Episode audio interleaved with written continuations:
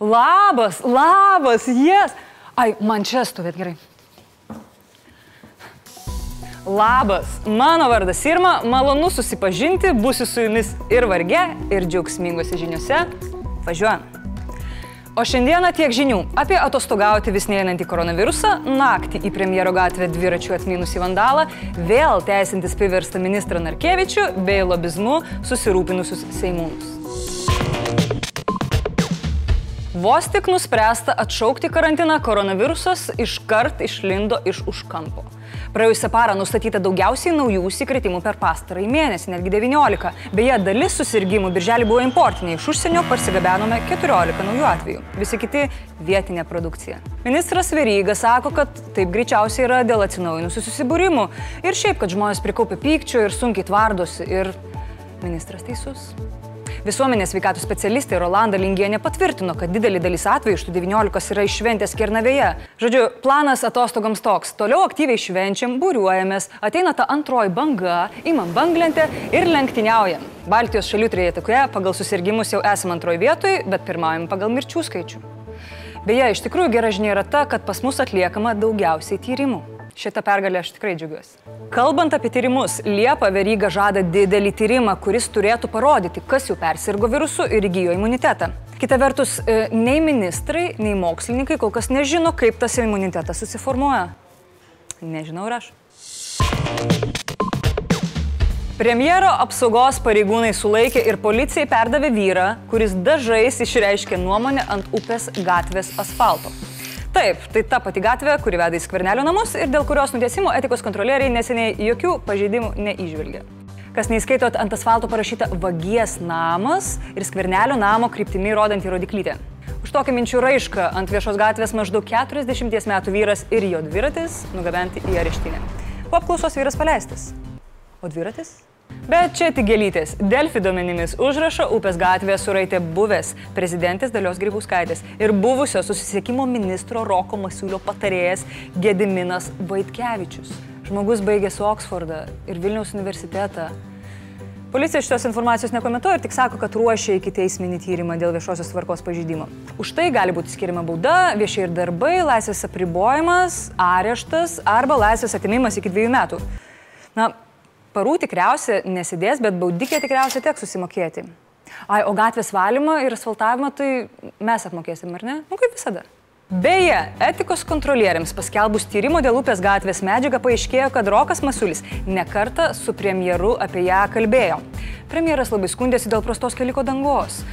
Dabar danga geresnė, tas yra labai smagu, tik gal šiek tiek apipaišyta. Susisiekimo ministras Jaroslavas Narkevičius vėl teisinasi. Šį kartą LRT žurnalistė jį prirėmė prie sienos turto deklaracijomis, kuriuose pajamų ir indėlių santykis, na, švelniai tariant, kelia įtarimų. Anksčiau Narkevičius tvirtino, kad namą renovavo ne už atkatų šeimos draugui, o už tėvų pinigus. Iš kur tėvai turėjo tiek pinigų? Iš atgautų žemių. Arba, kaip sako pats ministras, Man teko su tėvais ir, žinot, ir kalvę melžti, ir mėšlą taršyti. Aš nežinau, kokią čia karvutę reikia melžti, kad tiek primelštum. Bet LRT tyrimų skyrius įsiaiškino, kad po tėvų mirties Jarako šeima paveldėjo net daugiau žemės, nei šie buvo susigražinę. Ir iš visų sklypų buvo parduotas tik tai vienas, ir tas daugiausiai už 130 tūkstančių litų. Kai tuo tarpu ministras su žmona į banką pasidėjo pusantro milijono. Kažkas truputį nesueina, ne? O štai premjerui nauji kaltinimai įspūdžio nepadarė. Saulis Kvernelis ministro sažiningumu neabejoja ir jo pasitikėjimas taip lengvai kaip panoramos stogas per audrą nevažinėja. Na, matys Kvernelis šiuo metu turi rimtesnių reikalų, gal googlina, kaip nuvalyti dažus nuo asfalto. O už jo internetą irgi mes mokam beje. Atsimenat STT ir lobistų susidūrimą? Šiandieną STT liudijo buvęs susisiekimo ministras Rokas Masiulis. Pareigūnai teigia, kad būtent jį už kyšius valdas Sutkus siekia šmeišti ir išmesti iš posto. Po apklausos Masiulis sakė, kad dėl savo garbės ir orumo kreipsis į teisėsaugą. Rezonansą sukėlė verslo atstovų suėmimai, paskatino keisti lobizmo įstatymą. Jį pateikė net 30 seimūnų, daugiausiai valdantieji. Esminis siūlymas - kryžminis deklaravimas.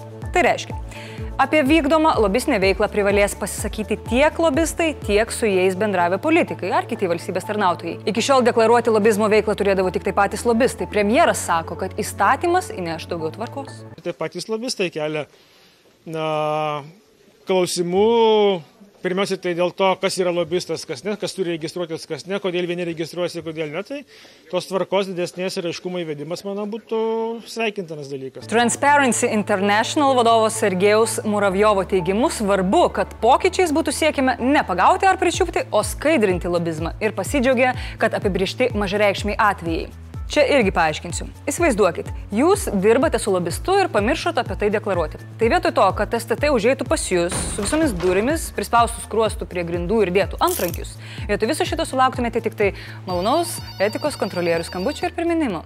O jei piktybiškai nekelsit ragelio, tai galimas ir pirmasis scenarius. Blitz naujienos. Užsienio reikalų ministrui Linui Linkevičiui paskelbus, kad Astravo elektrinė gali pradėti veikti jau rūpjūtį, Vilniaus ir Švenčionių rajonų savivaldybėms perdotos kalio jodido tabletės.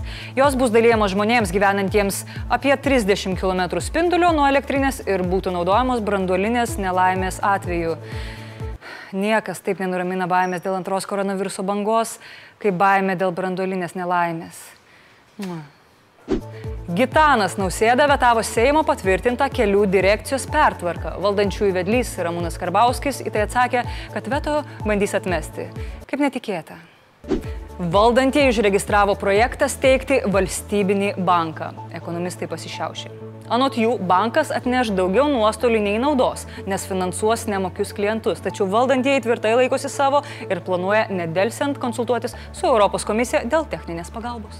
Antikorupcijos komisija kreipėsi į prokurorus dėl Klaipodos uosto vadovo konkurso, kurį laimėjo Algis Latakas. Įtarimų kilo nes susisiekimo ministras, tas pats Jaroslavas Narkevičius, neatsakė į klausimus dėl Latako privačių interesų deklaracijos.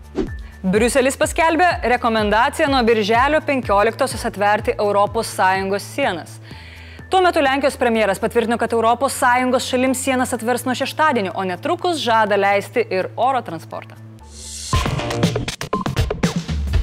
Tikiuosi, mane mylėsit ne ką mažiau nei Silvija, Timūra ir Dominika, o aš stengsiuosi palaikyti vis geresnę formą, kaip jis. Ačiū, kad žiūrėjot, iki kitos savaitės ir tiek žinių.